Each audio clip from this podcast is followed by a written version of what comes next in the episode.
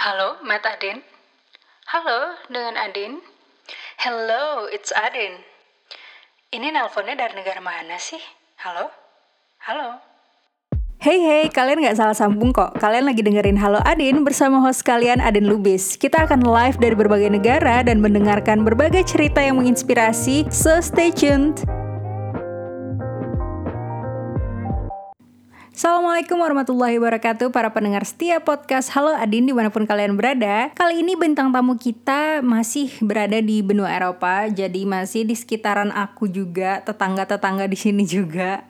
Uh, Dia adalah seorang ibu muda yang juga seorang student Di TU Berlin jurusan bioteknologi. Jadi uh, sebenarnya kita dulu pernah satu sekolahan waktu di Medan, cuman baru kenalnya ya justru pas udah pindah ke Eropa ini udah tinggal di sini gitu masya Allah ya. Dunia ini ternyata sekecil itu meskipun at the same time uh, dunia ini sangat besar dan di bumi Allah ini banyak yang bisa kita lihat dan banyak yang bisa kita pelajarin sama halnya seperti perbincangan di podcast ini ya intinya sih selalu mau belajar intinya selalu mau tahu lebih tentang dunia dan pengalaman-pengalaman orang lain jadi yang aku ingin pelajarin dari ibu muda ini adalah dia walaupun menjadi seorang ibu tapi masih tetap aktif nih menjadi mahasiswi di universitas di Jerman. Nah, hidup di luar negeri itu kan tidak semudah itu ya karena di sini kita serba apa-apa tuh harus sendiri. Aku aja yang belum menjadi seorang ibu tapi sudah rangkap status waktu itu menjadi istri dan juga mahasiswi S2 terus harus bolak-balik kampus ke rumah gitu kan karena kampusku waktu itu di Brussels sedangkan rumahku adanya di Antwerpen jadi cukup berat sekali mengcombine dua hal ini.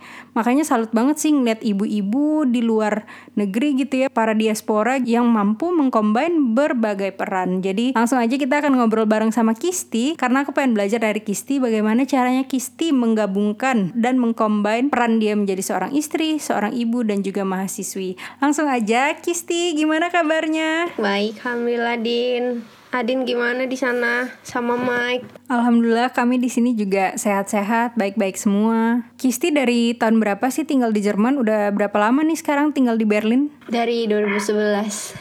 Wah, udah 10 tahun juga ya, Masya Allah. Nah, apa nih yang bikin beda 10 tahun yang lalu Kisti sama 10 tahun yang sekarang?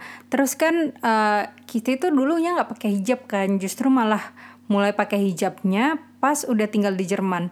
Gimana tuh ceritanya kenapa bisa memutuskan untuk pakai hijab? Aku iya aku bahkan kan SD SMP kita sekolah Islam ya. Hmm, Cuman SMA aku lebih istilahnya lebih diwajibkan lagi gitu berkerudungnya soalnya kan uh, Islamic High School gitu boarding school. Nah terus uh, iya selama 2 tahun SMA itu ya aku pakai jilbab ya karena aturan harus pakai jilbab. Cuman papa itu emang dari dulu tuh kayak pengen aku pakai kerudung jadi udah suka nyuruh gitu. Jadi kayak pas abis lulus SMA tuh sebenarnya aku disuruh. Pas mau ke Jerman aku tuh disuruh. Cuman akunya emang nggak mau. Aku bilang kayak aku nggak mau pakai kerudung karena disuruh gitu. Aku bilang kan mau sendiri. Nah itu aku pakai kerudung tuh tiga minggu gitu nyampe di Jerman kayaknya. Jadi cepet tuh banget. iya cepet banget. Alhamdulillah. Uh, poinnya itu pas mau berkerudung itu aku sih ngerasa karena dukungan lingkungan juga sih. Jadi kayak jadi tuh sebenarnya momen momentum juga. Jadi kayak minggu depannya aku tuh mulai sen minggu depannya itu aku mulai masuk kayak uh, student college di sini. Kayak yang pre universitinya waktu itu kan kita uh, gitu nyampe Jerman kan ada penampingan gitu ya Din. Masih kan kita kan uh, masih bareng-bareng lah gitu semuanya. Berangkat uh, terus itu tadi kayak denger is kalau ibu harus siaga selalu ya Ti Terus itu masih bareng-bareng banget. Cuman waktu itu udah ada kayak salah satu programnya itu kayak program uh, penampingan agama lah gitu. Maksudnya ada kakak mentor yang datang buat sharing-sharing seputar agama. Nah, di situ aku kayak ngerasa kayak sebenarnya udah tahu sih, mungkin dari dulu tahu aja gitu ya kalau berkerudung itu wajib. Cuman karena mungkin di Indonesia ngelihat oh ini orang Islam juga kok eh, sama-sama Islam tapi ada juga yang nggak berkerudung gitu jadinya kayak oh, ya udah kayaknya mah boleh-boleh aja gitu aku sih mikirnya dulu gitu ya cuman pas saat itu kayak aku tuh eh kenapa lu nggak mau berkerudung gitu? Maksudnya kenapa lu susah natin eh, yang perintah Allah yang satu ini gitu? Padahal kayak Allah tuh udah ngasih banyak banget lah buat lo yang lo minta yang gak diminta gitu. Jadi kayak satu sisi kayak aku di situ kayak ngerasa nggak bersyukur banget gitu jadi ya jadi hamba gitu. Maksudnya kayak nggak bersyukur. Terus satu titik lainnya itu kayak aku ya keinget papa aja sih. Maksudnya papa yang selama ini pengen aku berkerudung lah. Cuman aku emang satu sisi nggak mau berkerudung karena orang lain gitu sih. Dan aku di situ momennya kenapa saat itu juga aku harus langsung berkerudung karena aku kayak waduh kayaknya kalau gue tunda belum tentu nih gue minggu depan atau bulan depan masih mau lagi gitu. Jadi kayak aku ya menyegerakan aja sih waktu itu gitu. Kepikiran juga kepikiran papa tuh lebih ke karena ada juga sih baru-baru itu temen yang hmm, ayahnya meninggal gitu. Jadi kita baru banget nyampe Jerman semuanya tapi ada temen yang dapat kabar ayahnya meninggal. Terus kayak satu sisi aku kayak wah gue nggak mau banget nih ngecewain gitu. Khususnya papa gitu ya. Terus kayak maksudnya nggak mau lah papa misalnya meninggal belum lihat aku uh, dia kepengen aku pakai kerudung gitu ada niat kayak gitu sih waktu itu Nah, tapi kan ketika orang mendengar kalau kita pindah ke barat, biasanya akan menjadi ke barat-baratan. Tapi mendengarkan cerita Kisti justru, Masya Allah, begitu jauh dari orang tua, jauh dari keluarga, bahkan jauh dari Indonesia, kenapa malah bisa semakin dekat dengan Allah gitu? Kenapa bisa hidayah itu datangnya malah di Jerman gitu, malah di sini? Kira-kira apa yang membuat itu bisa terjadi ke Kisti? ya aku juga ke sini nggak kebayang jadi kayak gini sih. Maksudnya juga tadinya ke sini ya kebayangnya kuliah di Eropa gitu kan. Ya maksudnya eh ya mungkin lebih banyak kebayang oh nanti sambil liburan kuliah bisa jalan-jalan traveling segala macem gitu. Saya nggak ada kebayang kayak yang jadi malah aktif di masjid maksudnya selain kuliah aktif di masjid gitulah.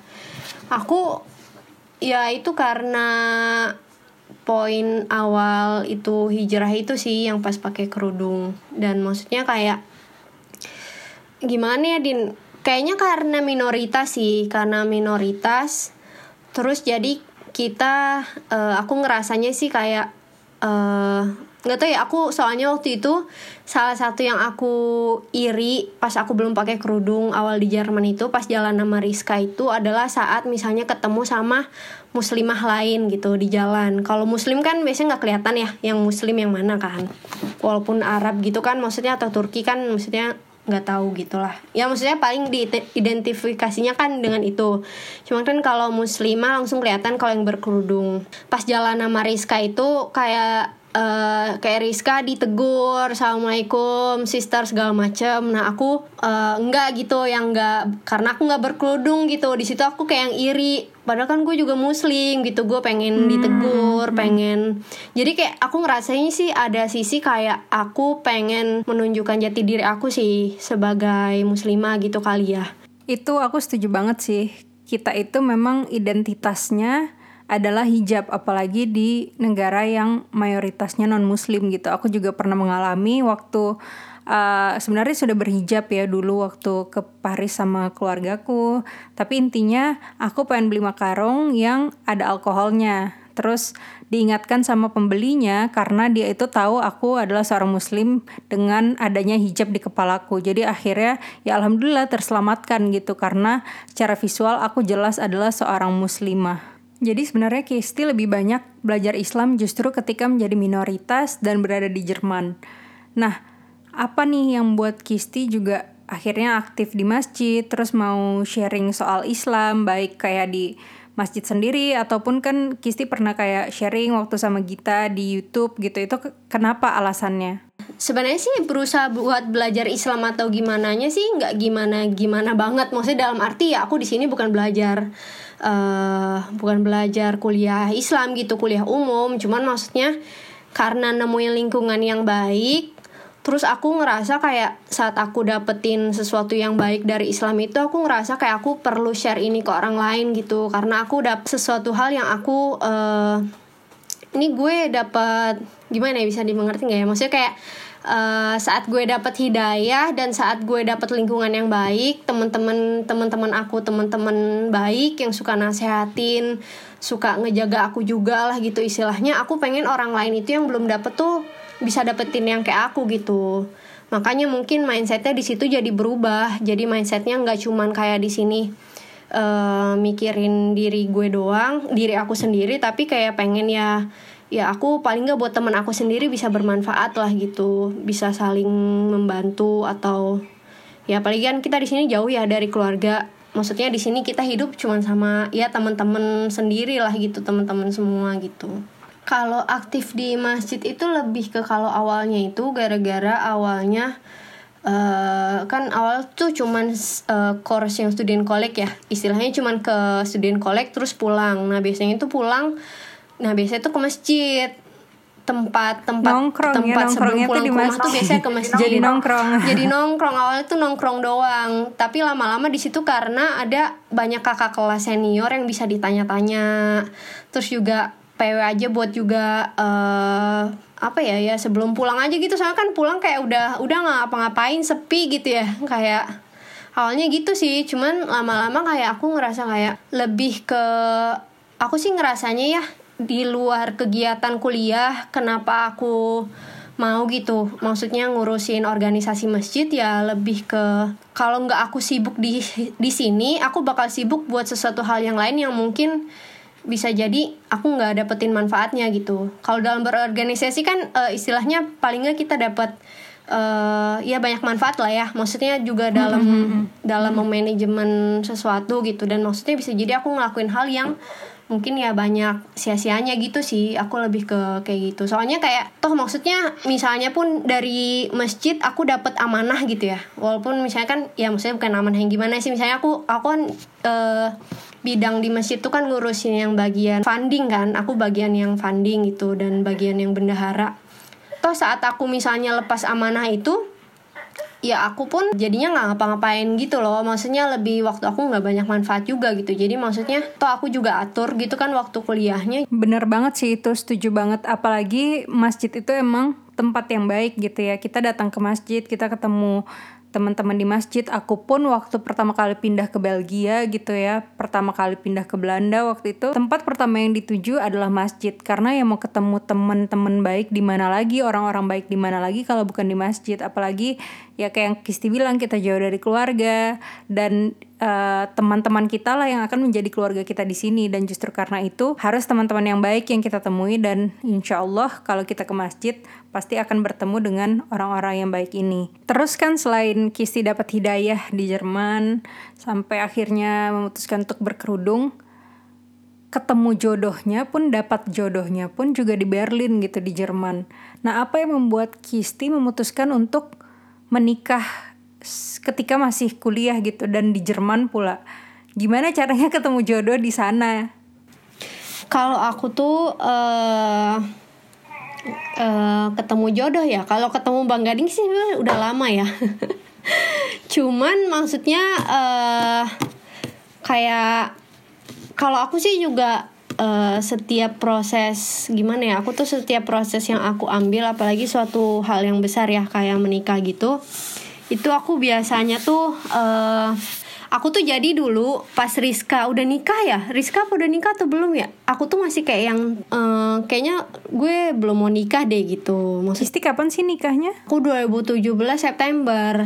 Sebenarnya belum kepikiran nikah banget, Din. Belum kepikiran tuh dalam arti kayak eh, kayaknya gue masih mau beresin kuliah dulu. Terus juga kayaknya aku sih waktu mikir kayak eh, kayaknya gue belum butuh pasangan hidup deh gitu. Maksudnya kayak ya masih bisa hidup sendiri lah gitu. Ya pokoknya nggak apa-apa lah single aja dulu gitu kan. Iya, kayak misalnya Rizka udah nikah, baru Rizka sih ada Rizka sama teman aku ada satu lagi Tika tuh udah nikah juga teman yang deket aku. Nah itu aku masih kayak yang eh, ya gue belum nih gitu. Cuman maksudnya emang belum belum kepengen gitu, maksudnya belum belum ada niatan nikah lah gitu. Terus itu eh sampai juga kan soalnya di sini tuh kan kita terus ada mentor ya, maksudnya terus ada kakak mentor gitu. Sampai juga ada yang nanyain gitu. Di aku juga bilangnya kayak aku belum mau nikah gitu. Jadi aku pun belum pengen tahu sih siapa yang nanyain aku gitulah istilahnya. Karena akunya belum mau gitu sampai suatu hari tapi aku tuh suka suka aku tuh suka takut sotoy gitu loh di di akunya ya. Jadi kayak aku tuh suka takut uh, menetapkan sesuatu dalam diri aku gitu. Karena aku kadang kayak ya satu sisi gue uh, ya gue emang pengennya gini menurut gue idealnya gini tapi sebenarnya yang lebih tahu tentang hidup gue kan bukan gue gitu. Tapi ya Allah lah gitu maksudnya. Nah aku tuh terus kayak uh, belum kepikiran nikah tapi aku kayak karena waktu itu emang masih fokus kuliah banget kan. Tapi aku satu sisi tuh selalu mikir kayak ya Allah kalau emang uh, kapan waktu yang terbaik aku minta dikasih hidayah gitu buat aku kalau emang nikah itu yang terbaik gitu. Soalnya aku tuh aku tuh lebih ke takut gitu loh din. Kayak aku tuh menetapkan prioritas kuliah. Tapi ternyata Allah bilang lu lebih baik uh, lu menikah juga baik gitu. Misalnya lu menikah tuh baik gitu. Nah aku di situ tuh aku mikir kayak ya siapa tahu dengan aku menikah itu justru kesulitan-kesulitan kuliah aku itu dengan menikah itu jadi ada berkahnya. Terus gue jadi lebih berkah lagi tuh hidupnya. Aku mikir gitu. Jadi mulai kebuka gitu sih. Kebuka buat kebuka hatinya gitu. Walaupun ya belum ada sih kalau jodohnya belum kelihatan gitu.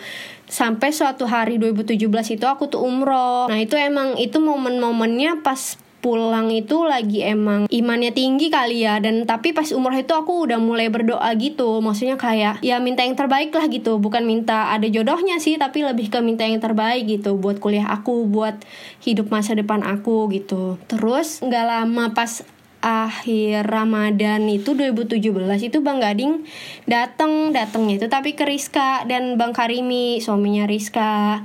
Sebenarnya kalau kenal sama Bang Gading tuh udah lama dan kenalnya ya pas Euro sih pas yang sekolah bahasa itu. Cuman ya maksudnya kalau deket ya nggak deket sih. Maksudnya kalau dibanding temen kan kita seangkatan ya temen seangkatan yang lain yang cowok-cowok aku tuh lebih deket sama yang lain gitu. Ad, banyak maksudnya lebih deket sama yang lain. Jarang ngobrol gitu sebenarnya. Paling kalau ya sama-sama ngurusin kegiatan di masjid satu tim gitu paling itu ngobrol di situ. Nah terus itu bang Gading datang ke Rizka nanyain uh, Kisti udah siap nikah belum ya gitu. Dan nanya udah siap nikah belum ya tahun ini gitu. Tapi kan berarti random banget dong ya. Maksudnya belum ada pernah deket ataupun pernah ngobrolin soal ini. Tiba-tiba ya nanya aja langsung ke Rizka sama suaminya soal pengen nikah sama Kisti lah ibaratnya gitu kan.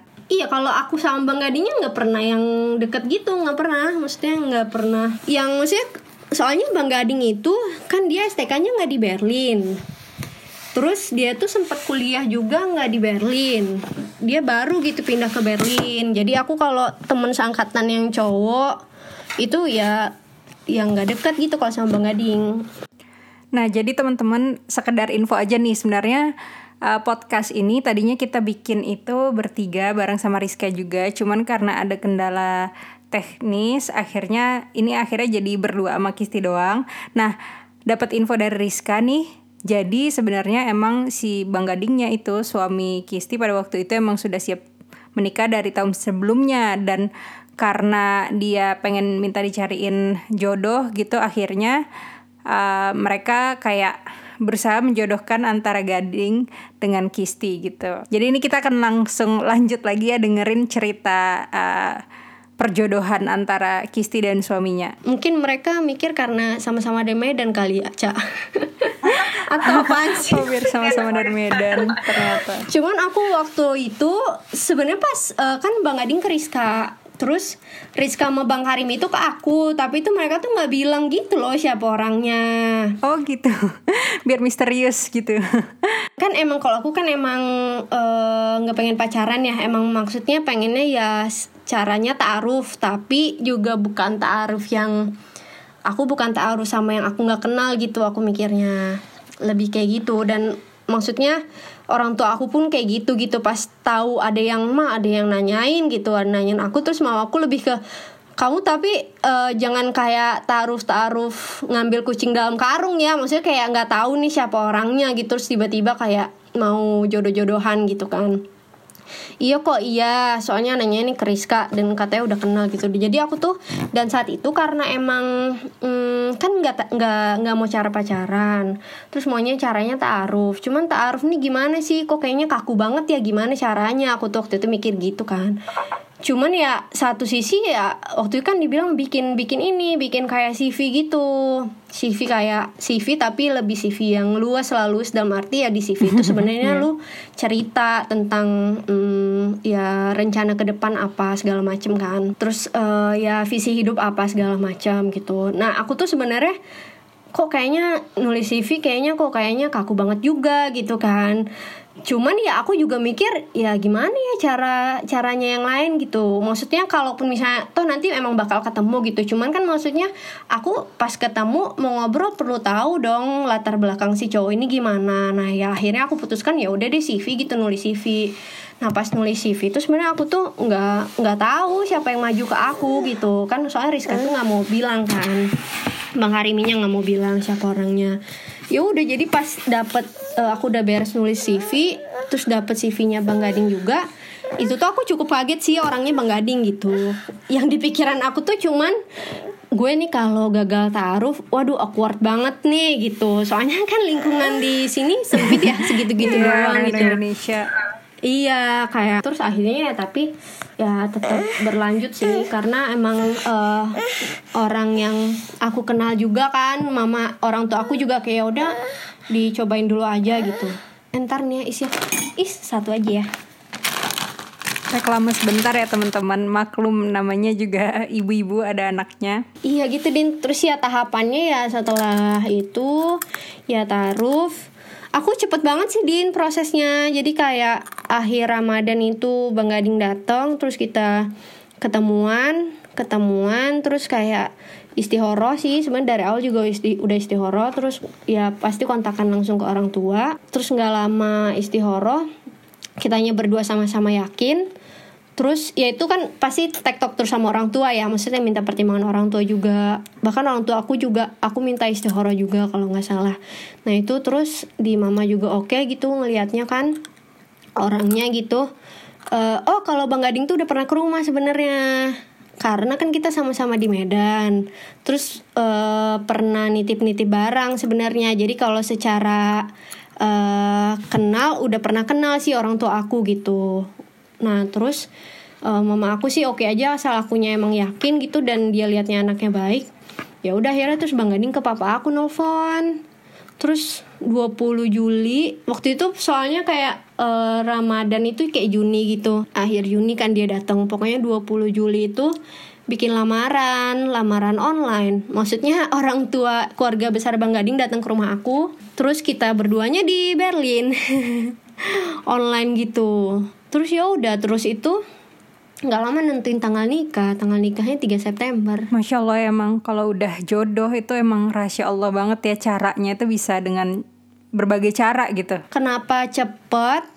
Juga sebenarnya itu kan eh, mama aku bilang kan kita emang requestnya maunya cepet ya. Soalnya kan ngindarin kayak aduh nanti ketemu di Berlin awkward gitu kan kalau misalnya kayak gitu awkward lah gitu. Terus kayak eh, ya pengennya soalnya kan satu lagi libur summer tuh din. Maksudnya bisa pulang kan niatnya gitu. Eh, bisa nggak ya eh, nikahnya langsung gitu? Maksudnya kayak bulan depannya gitu. Terus mau aku kayak waduh nggak. Maksudnya kalau mau kalau misalnya mau ngadain acara nikah paling realistis tuh Desember kata mamaku gitu. Tapi da- satu sisi mamaku tuh bilang tapi kalau misalnya ditunda sampai Desember kamu proses taarufnya udahan dulu aja deh gitu. Soalnya maksudnya nanti bang gadingnya datang lagi aja kalau emang masih eh, mau dilanjutin gitu. Terus cuman mama aku mama aku sih yang nawarin kayak atau nggak nikahnya di Berlin aja kata mama aku gitu. Eh ya biar nggak lama-lama aja gitu. Masya Allah banget ya. Pokoknya denger cerita Kisti ini Masya Allah lah menginspirasi gitu. Apalagi buat anak-anak muda gitu zaman sekarang dan di Eropa pula. Kadang-kadang kan mikirnya ya namanya kita di Eropa gitu. Terus zaman sekarang orang-orang di Indonesia juga pada kayak ya gimana caranya bisa kenalan ya kalau nggak melalui pacaran. Kalau Kisti sendiri melihat pacaran itu gimana sih? Apakah Kisti dulu pernah pacaran sebenarnya atau gimana? Kalau aku tuh kalau soal pacaran ya Din. Sebenarnya kalau aku tuh kalau dari sebelum ber sebelum ke Jerman pun gitu aku tuh tipe yang kayak nggak mau pacaran gitu. Gak mau pacaran tuh dalam arti duh pacaran tuh kayak gimana ya? Kayak makan hati doang. Terus kayak ya gue nggak dapat sesuatu aja gitu. Maksudnya kayak eh ya nggak ngerasa perlu gitu sih. Nah, kita tadi udah ngebahas mulai dari uh, berapa lama tinggal di Jerman dan perubahan apa yang didapat selama di Jerman gitu, apalagi uh, mendapatkan hidayah sampai jodoh. Sekarang kita akan ke anak nih kan uh, tahapannya setelah menikah Kisti dapat is gitu kan.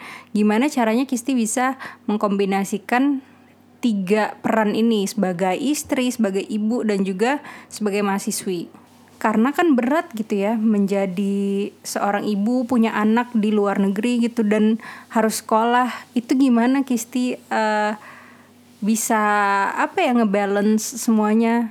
Kasih tips dong ke aku yang sekarang belum jadi ibu aja kayak memikirkannya udah kayaknya berat gitu. Apa anak ya? Dan kuliah dan jadi istri ya? Iya iya. Kalau aku sih eh, sebenarnya kalau urusan rumah dan menjadi istri dalam arti melayani suami yang yang stereotip orang-orang ya biasanya gitu itu sebenarnya nggak terlalu beban sih. Soalnya kayak kalau di sini kan emang karena kita dua-duanya student ya tadinya student eh emang student gitu nikah pun masih student dan kita pun nikah tuh mm, berjanji gitu sama orang tua kalau eh, ya kita nikah tapi kuliah kita tetap beres gitu insya Allah. Maksudnya tetap mau membereskan kuliah gitu. Nah karena nikah dengan status dua-duanya yang masih student ya eh, satu sisi ya sebenarnya diomongin juga sih din dari sebelum nikah dalam eh, soal soal nanti eh, pekerjaan rumah tangga gimana urusan anak gimana segala macam. Dan emang kita tuh udah kayak yang sepakat kayak ya kerjaan rumah tangga masak semua gitu tuh bisa bareng-bareng gitu sebenarnya. Jadi sebenarnya di situ nggak nggak terlalu yang bukan sesuatu hal yang aku gitu nikah jadi hal yang baru banget gitu. Maksudnya emang kita udah udah omongin lah gitu eh ya itu bisa dikerjain bersama gitu. Cuman kan abis itu anak gitu. Nah aku tuh kalau anak itu kenapa eh, istilahnya aku nggak nggak menunda? Maksudnya eh, aku waktu itu emang sedapatnya gitu serezekinya Allah kasih gitu sama aku. Nggak nggak berusaha buat menunda satu alasannya karena aku tuh eh, lebih ketakut sih kalau nunda di aku ya. Maksudnya kalau orang kan punya pilihan masing-masing ya punya prioritas masing-masing dan ya orang tuh punya ya bisa memilih dia yang tahu hidup dia lah gitu. Dia bisa memilih yang menurut dia terbaik buat dia gitu. Nah kalau aku tuh lebih ke satu sih aku takut sih buat nunda. Dalam arti kayak eh, takutnya nanti pas mau malah nggak dikasih gitu. Dan maksudnya satu sisi juga kayak kok lu GR banget gitu bakal dikasih segera atau gimana. Tapi kalau darullahnya emang aku gitu nikah eh, langsung punya anak sih. Tapi emang itu aku aku waktu itu juga udah bisa dibilang menyiapkan diri sih. Dalam arti aku tuh melihat suami aku bisa eh, suami aku gimana ya aku melihat dia orang yang siap jadi bapak juga gitu. Iya, aku justru melihat dia yang lebih siap gitu. iya, bukan akunya. Karena dia mungkin udah banyak ponakan juga ya, jadi udah sering ngurus ponakan atau main sama ponakan. Dan di situ satu hal yang aku lihat positif gitu yang bikin aku kayak bukan aku jadi kayak nggak mau punya anak gitu, maksudnya malah kayak oh ya udah gitu dan eh, ya udah insya Allah gitu kalau emang dikasih amanahnya cepat gitu maksudnya. Dan setelah punya anak ya emang ya bisa dibilang ya kalau punya namanya punya anak ya repot gitu maksudnya. Kalau punya anak ya pasti repot gitu. Dan emang eh, kalau aku tuh pas awal lahiran eh, kalau selama hamilnya aku alhamdulillah dimudahin banget gitu sama Allah. Walaupun nggak walaupun sih dalam prosesnya emang aku awal-awal tuh kalau Rizka kan kayaknya 9 bulan tuh nggak ada mual tuh kalau dia sangat strong dan jagger gitu. Kalau aku awal-awal tiga bulan pertama mual tapi ya maksudnya aku hamil itu sambil kuliah juga waktu itu sambil ngerjain ujian juga. Cuma pas lahiran alhamdulillah mama aku dateng. Dan itu cukup ngebantu banget. Terus ya ya sampai sekarang sih sebenarnya kayak bang Gading tuh eh suami aku tuh kayak ya ikut ik- berperan gitu dalam mengurusin anak gitu. Jadi maksudnya ya saat yang emang bang Gading bisa pegang is gitu ya bang Gading yang pegang gitu. Dan emang kita harus emang bener-bener eh, dari awal tuh diomongin gitu sih Din. Maksudnya kayak misalnya semester ini mau apa mau apa ya kayak awal nikah tuh aku sebenarnya karena kita dua-duanya masih bachelor kan itu emang kita awal nikah itu emang targetnya bengading duluan yang beres duluan gitu. Jadi emang akunya fokus uh, ya biar nggak kepecah-pecah juga kan pikirannya gitu. Jadi aku emang fokus rumah dan anak gitu maksudnya. Dan aku emang kalau dari aku emang baru bisa megang kuliah ya setelah dia mm -hmm. udah setahun gitu. Dan emang misalnya karena ya semua pilihan kan ada konsekuensi dan emang itu yang kita pengenin tapi ada konsekuensinya gitu. Dan ya satu sisi ya ya sebenarnya intinya lebih ke karena itu pilihan lo ya itu harus lo tahu konsekuensinya. Dan kayak ya nggak usah ada yang di jadi disesalin atau gimana gitu. Maksudnya kayak ya udah gitu dikasih anak oh ya udah berarti uh, ya walaupun awalnya mungkin nggak nggak bisa segampang itu ya kayak ngomong sekarang gitu. Pasti awalnya juga kayak kepikiran kuliah aduh kuliah gue gimana? segala macam gitu. Jadi susah buat belajarnya segala macam tapi ya emang kayak awal hamil awal punya anak ya udah. Berarti emang sekarang uh, fokus di sini dulu. Nah kayak sekarang aku baru mulai kayak mulai kuliah lagi. Cuti tapi uh, sambil beresin kuliah pelan-pelan gitu dan kalau misalnya suami doang yang mau punya anak juga nggak mungkin gitu karena istilahnya kita, ya pasti anak itu sama kita gitu kan gimana pun. Uh, aku uh, gitu isnya lahir tuh kayak bingung gitu loh din. Sebulan dua bulan. Aku tuh suka mikir kayak nih anak tumbuh terus nih. Tapi gue nya kayaknya nggak berilmu gitu. Maksudnya kayak gue nya kebayangnya kayak gimana ya ngegedeinnya? Tapi ya waktu jalan terus anak pasti makin gede gitu loh. Kayak aku sempet baby blues juga awal sempet baby blues juga gitu. Kayak gitu. Kadang baby blues itu emang lebih ke karena ibunya kadang uh, lebih karena nggak menerima kondisi ya kalau aku melihatnya ya. Sebenarnya emang lebih ke suami sih din. Lebih ke suami yang emang kita dari awal komit maunya gimana dan diomongin gitu. Jadinya emang nggak istilahnya mm, berjalan masing-masing kan kayak aku punya apa dia punya apa nggak kayak gitu gitu memang betul ya dalam hidup ini uh, semua orang punya pilihannya masing-masing dan setiap orang mempunyai prioritas yang berbeda bisa jadi ada yang uh, pengen menunda nikah karena dia merasa memang masih mampu sendiri, ada yang mau cepat-cepat nikah dan langsung punya anak karena merasa itu lebih penting daripada misalnya menuntut ilmu atau dalam satu waktu bisa melakukannya secara berbarengan. Intinya kita yang tahu kapasitas diri kita dan uh, tentunya dengan meminta petunjuk Allah gitu ya. Tapi ya karena kita manusia, kita diberi akal, kita bisa memilih apa yang kita rasa tepat untuk diri kita dan apa yang baik bagi diri kita gitu. Tentunya ya balik lagi minta sama Allah terus berdoa gitu. Apalagi ya kalau misalnya menikah memilih pasangan tuh emang harus yang benar. Karena kayak kata Kisti bukan aku aku kamu kamu tapi semuanya menjadi kita. Makanya ada juga yang harus kadang-kadang kita korbankan. Ada ada yang harus kita rubah gitu karena plannya dari yang plan sendiri cita-cita kita yang banyak harus kita jadikan cita-cita bersama. Nah buat uh, Kisti nih sebelum kita menutup podcast ini ada nggak yang pengen disampaikan ke para pendengar podcast Halo Adin? Siapa tahu ada yang masih galau dalam menentukan harus berhijab atau tidak harus menikah atau tidak macam-macam lah banyak kegalauan-kegalauan. Apalagi zaman sekarang gitu ya orang-orang menjadikan manusia sebagai inspirasinya ngelihat sosmed gitu para influencer apalagi dengan adanya fenomena orang pada buka jilbab gitu-gitu kan pasti kayak banyak rintangan lah. Ada yang pengen kisi sampein? Khususnya buat orang yang di Indo ya maksudnya nggak perlu kalau aku sih nggak perlu khawatir atau eh, nggak uh, perlu khawatir gitu kalau kita misalnya punya pemikiran yang beda dari uh, umumnya orang gitu. Misalnya di di umumnya orang ya uh, ya belajar Islam nggak perlu yang gimana gimana banget lah. Lu sholat aja puasa itu udah cukup gitu.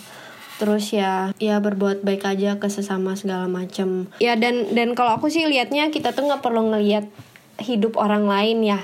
Nggak perlu ngebandingin gitu sama orang lain. Kadang kayak misalnya kayak kita belum nikah tapi uh, pengennya ngelihat temen yang udah nikah pengennya nikah. Padahal mungkin temen itu kayak aku misalnya aku belum lulus bachelor pengennya mungkin lihat orang lain udah lulus bachelor. Terus mungkin lihat orang lain oh enaknya udah bisa punya bisnis sendiri uh, mandiri segala macam maksudnya kita tuh nggak perlu uh, kita harus punya cita-cita keinginan ya tapi nggak perlu ngebandingin sama orang lain gitu. Karena ya emang masing-masing Allah tuh udah kasih yang emang terbaik gitu buat masing-masing. Dan maksudnya kalau di aku lebih ke uh, juga selalu membuka kesempatan sih dan emang berdoa minta yang terbaik gitu. Karena kadang kita punya sesuatu hal yang menurut kita ini kayaknya udah yang paling baik buat hidup gua gitu kayak ini gitu dari aku sih kita nggak bisa kayak gitu ya. Maksudnya karena em kita nggak tahu gitu yang terbaik buat kita. Dan maksudnya ya kita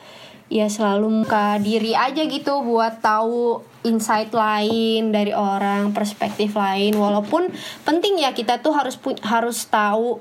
Ya kayak tadi Katriska juga sih perlu perlu belajar Islam juga. Jadi maksudnya di kitanya kita punya suatu standar. Tapi ya itu emang standar yang benar ya uh, menurut kalau aku emang agama yang terpenting sih gitu maksudnya kayak ya standar yang emang uh, Allah tetapkan yang terbaik lah gitu. Kalau aku soalnya lihat di Indo tuh uh, masih banyak kayak apa-apa ikut tren apa-apa ikut tren gitu. Jadinya kayak orang tuh Uh, kalau beda tuh kayak gimana gitu nanti di di di ejek orang atau diceng-cengin teman gitu. Padahal ya Eh, nggak uh, nggak yang mayoritas atau yang banyak diikuti orang itu juga selalu yang baik gitu yang benar gitu. Setuju banget 100% karena memang kebanyakan orang-orang di Indonesia gitu ya melihat apa yang biasa ada di masyarakat kita kadang-kadang lebih diutamakan dan dianggap sebagai suatu standar daripada yang misalnya